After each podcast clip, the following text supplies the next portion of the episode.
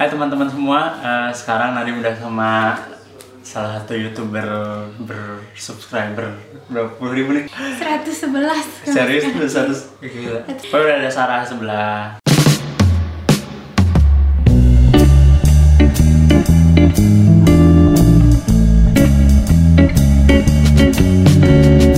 Dan sekarang juga Nadim lagi di Williamshaven tempat tinggal tempat gue. tinggal Sarah youtuber yang sudah bersubscriber 100 lebih eh 100 ribu lebih.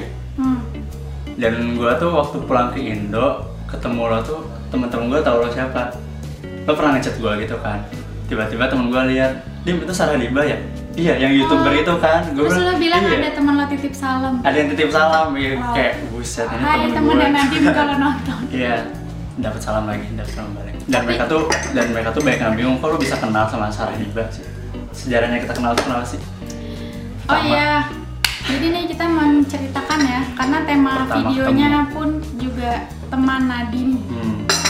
Episode pertama. episode 1 nih oh gue Sama kita tuh pertama kali kenal gitu-gitu doang gak sih sebenarnya gue tuh udah tahu Nadim karena kebetulan gue ini lebih deket umurnya sama kakaknya Nadim Mhm, Oh iya. Jadi kita udah saling tahu Nadim tahu gue, gue tahu Nadim dari kakaknya Nadim. Tahu doang tuh belum belum Mm-mm. kenalan juga kan. Terus suatu hari tuh gue kan eh, ada kunjungan dari temen gue yang lagi exchange ke Warsaw, Hmm, ya. Poland ya. Ya.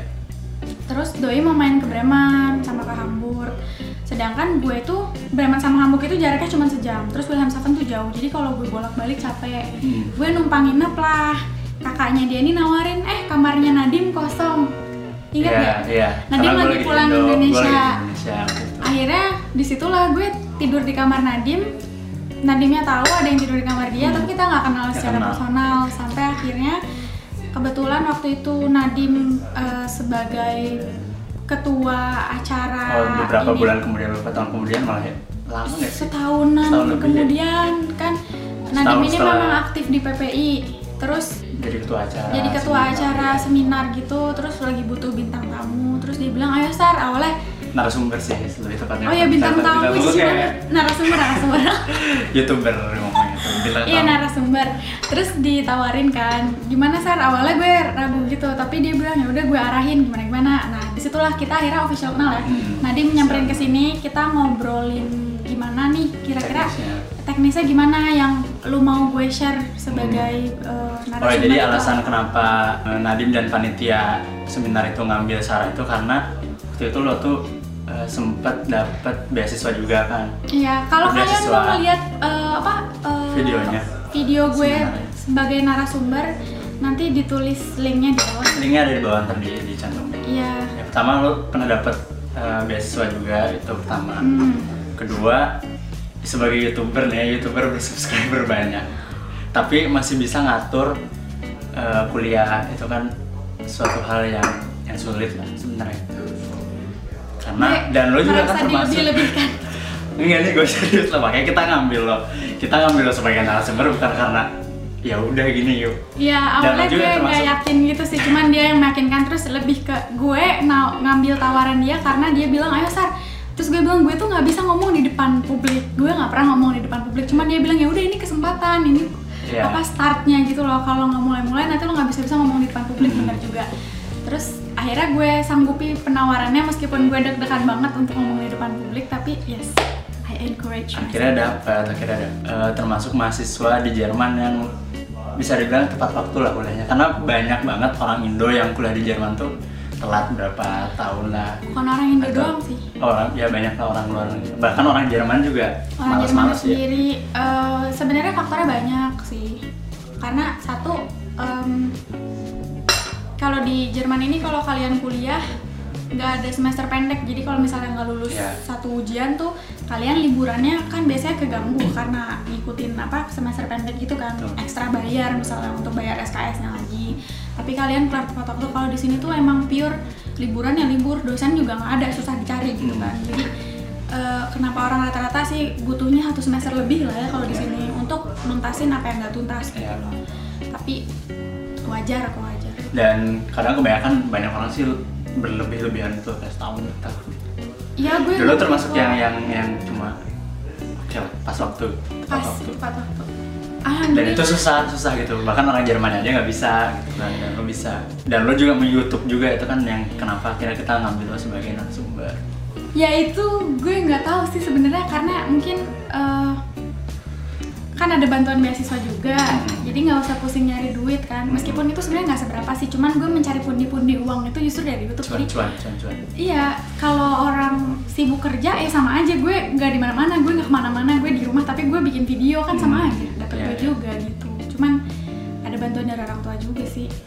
Kan udah 100 ribu subscriber nih Hmm. YouTube-nya.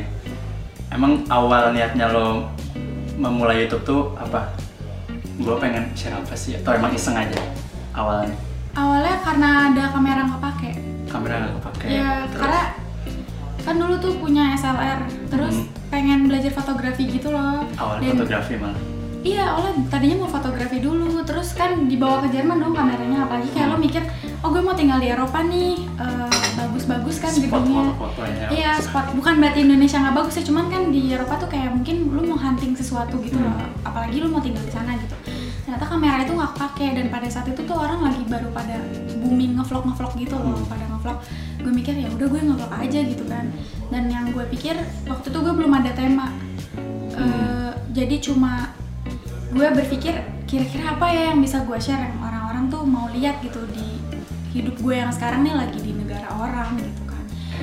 Eh, dan gue tuh ke pasar kaget, Pasar pasar, tradisional, heeh, yang biasanya ada di halaman Rathaus, Hmm, gitu-gitu iya, iya. kan.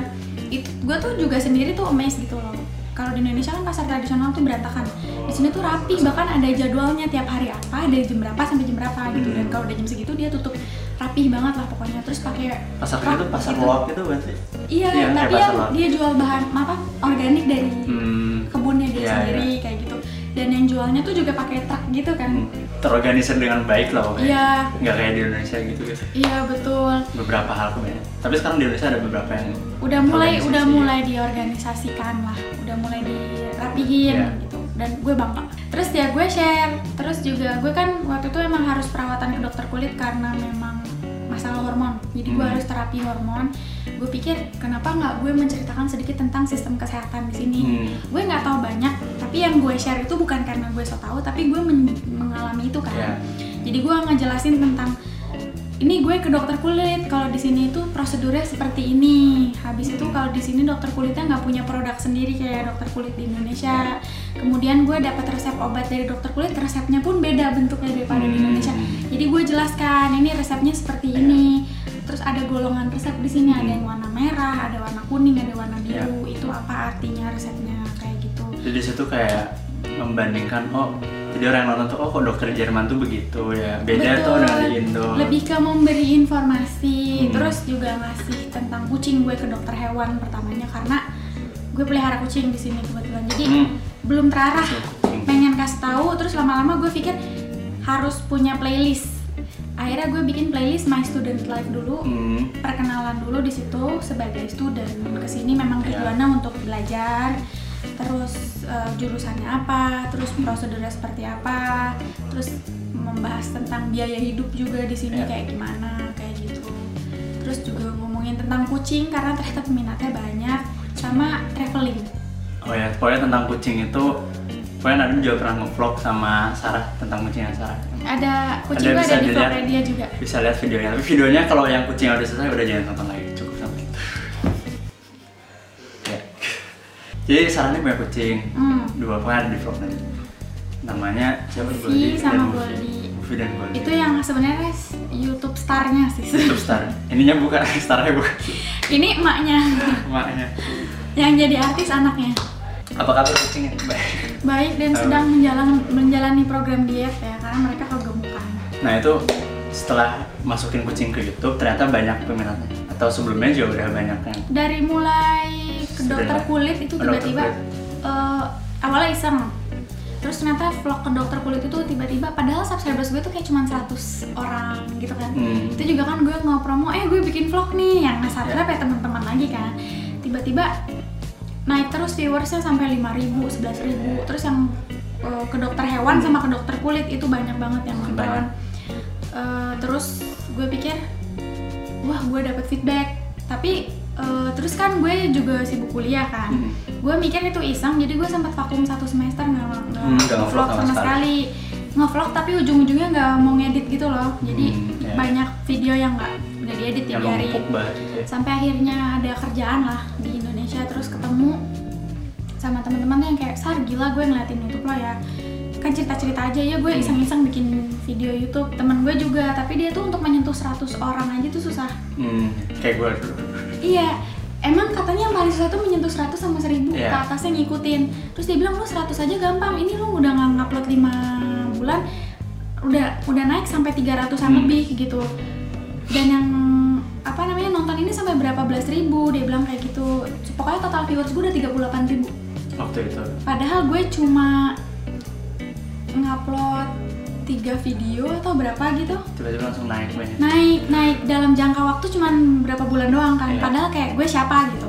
Dan teman gue bilang lu tuh punya chance di sini sar sebenarnya. Terus juga orang-orang komentarnya tuh kayak kak ada lagi nggak lanjutannya? Kak upload lagi dong. Kayak gitu-gitu. Banyak yang minta video lagi gitu. Terus eh, akhirnya gue ya udah lanjutin. Hmm. gitu kan. Nah, akhirnya lanjutin. Eh, itu dulu lama naik ke seribu tuh lama banget. Sampai lima bulan ada kali 5 bulan. vakum kan vakum satu Hmm, semester gara-gara. terus setelah dilanjutin itu dari hampir 400 ke 1000 nya itu Ya, hampir lima bulan itu pun ada dalam waktu 5 bulan.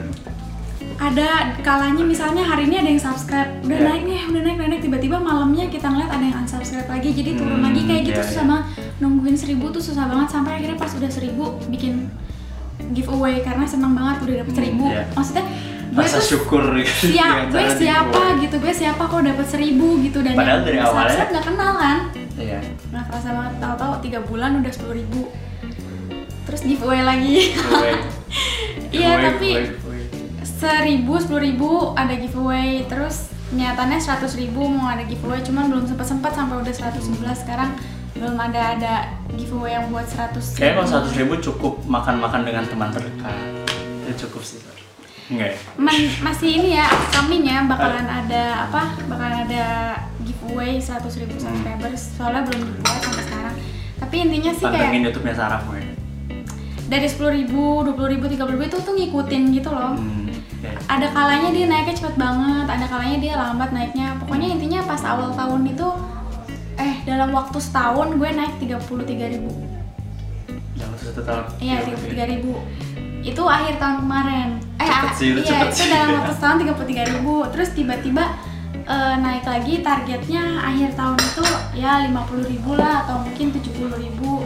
Ternyata akhir tahun 2018 kemarin, jadi akhir 2017 itu 33 ribu, akhir 2018 ternyata dapat 100 ribu. Satu ribu. dan seratus ribunya itu pas satu, tahun. satu hari sebelum gue ulang tahun Karena ulang tahun udah satu ribu. iya kan gue ulang tahun 29 Desember 28 nya Iya. udah 100 ribu 29 nya gue ulang tahun terus semoga akhir 2019 bisa lah dapat Hmm. 200 ribu gimana nih diaminin nggak Amin lah. Kalau bisa lebih kan lebih baik lagi. iya amin doain Amin. aja Semua berdoa kita aminkan. Tapi kan kalau ada 100 ribu, 100 ribu lebih mah. Apalagi jadi youtuber di Jerman. Gue Hmm. aja yang belum 100 ribu kadang suka ada omongan gini nih. Ih, youtuber di Jerman ya sama kayak kita saf dong. Itu gimana tuh? itu sih gue nggak Kesel gak suka sih? Sebenarnya terlepas dari gue disama-samain sama Gita Saf atau dibilang ngikutin Gita Saf sih gue bodo amat ya maksudnya Hmm. sebenarnya gue nge-vlog.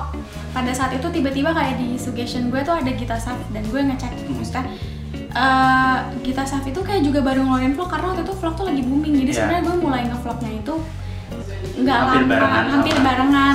Gue nggak tahu siapa yang duluan gitu. Tapi ketika gue ngupload video gue nggak tahu dia juga nge-vlog gitu. Iya. dan ternyata ada vlognya dia gitu di, di YouTube dan gue juga ngupload vlog gue tanpa gue ngikutin dia kalau dia terkenal duluan ya rezekinya dia bagus Iya. tapi terlepas dari itu kayak gue nggak sukanya tuh dibilang vlogger gitu gue nggak suka dicap vlogger tapi nggak suka Oh iya.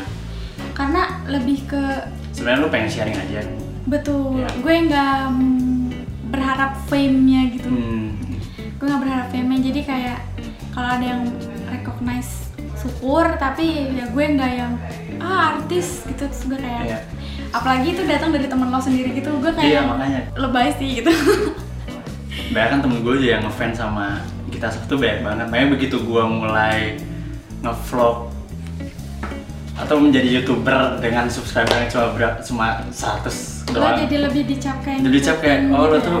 kayak kita saf ya gitu padahal ya kita saf punya kontennya sendiri lo juga punya kontennya sendiri Maksud juga gue punya kayak- gua nggak punya konten sih cuman gua punya konten lo style ada style Iya. YouTube gua sendiri tapi gak isi YouTube lo tuh kita. bukan yang tiba-tiba beropini kayak kita Mm-mm. saat kadang juga ada yang request ke gue kak nggak mau bikin video tentang opini-opini kakak terus gue tuh Hmm. yang kayak ntar kayak channel sebelah gitu tapi sebenarnya kita berdua gak ada masalah sama kita Gue nggak ada masalah, dan, cuman dan kita juga gak kenal sama kita juga sama gua sih gak kenal gue sebenarnya mutual friend kita banyak yang kenal Iya. dia cuman kalau secara personal kita berdua nggak ada yang kenal beliau dan enggak dan kita nggak ada masalah dia orangnya bagus sharing tentang hal baik Jadi share tentang hal baik, tujuan kita oke kita kayak kita tujuan kita sama sama-sama men-share Sama-sama hal yang sharing, baik. ya.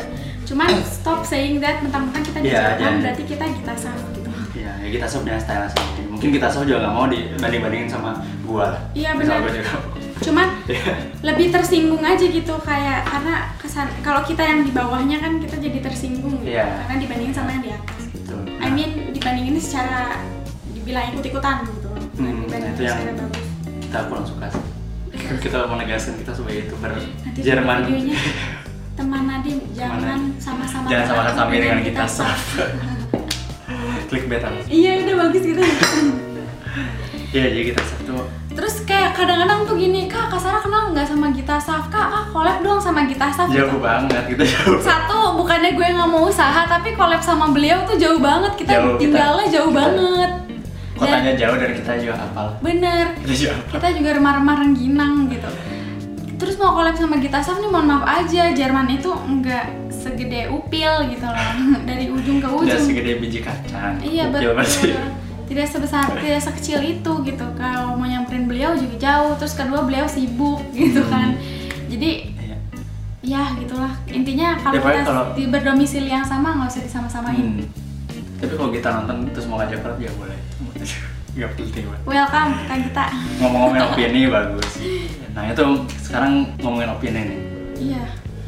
Kan lagi rame banget tahun 2019 itu tahunnya politik lu kan sebagai youtuber punya subscriber yang banyak. Gak mau kah ngomongin politik? Karena hampir banyak banget youtuber yang ngomongin politik supaya viewersnya tuh naik. Nah dari lo sendiri ada keinginan untuk ngomongin politik gak sih di youtube lo sendiri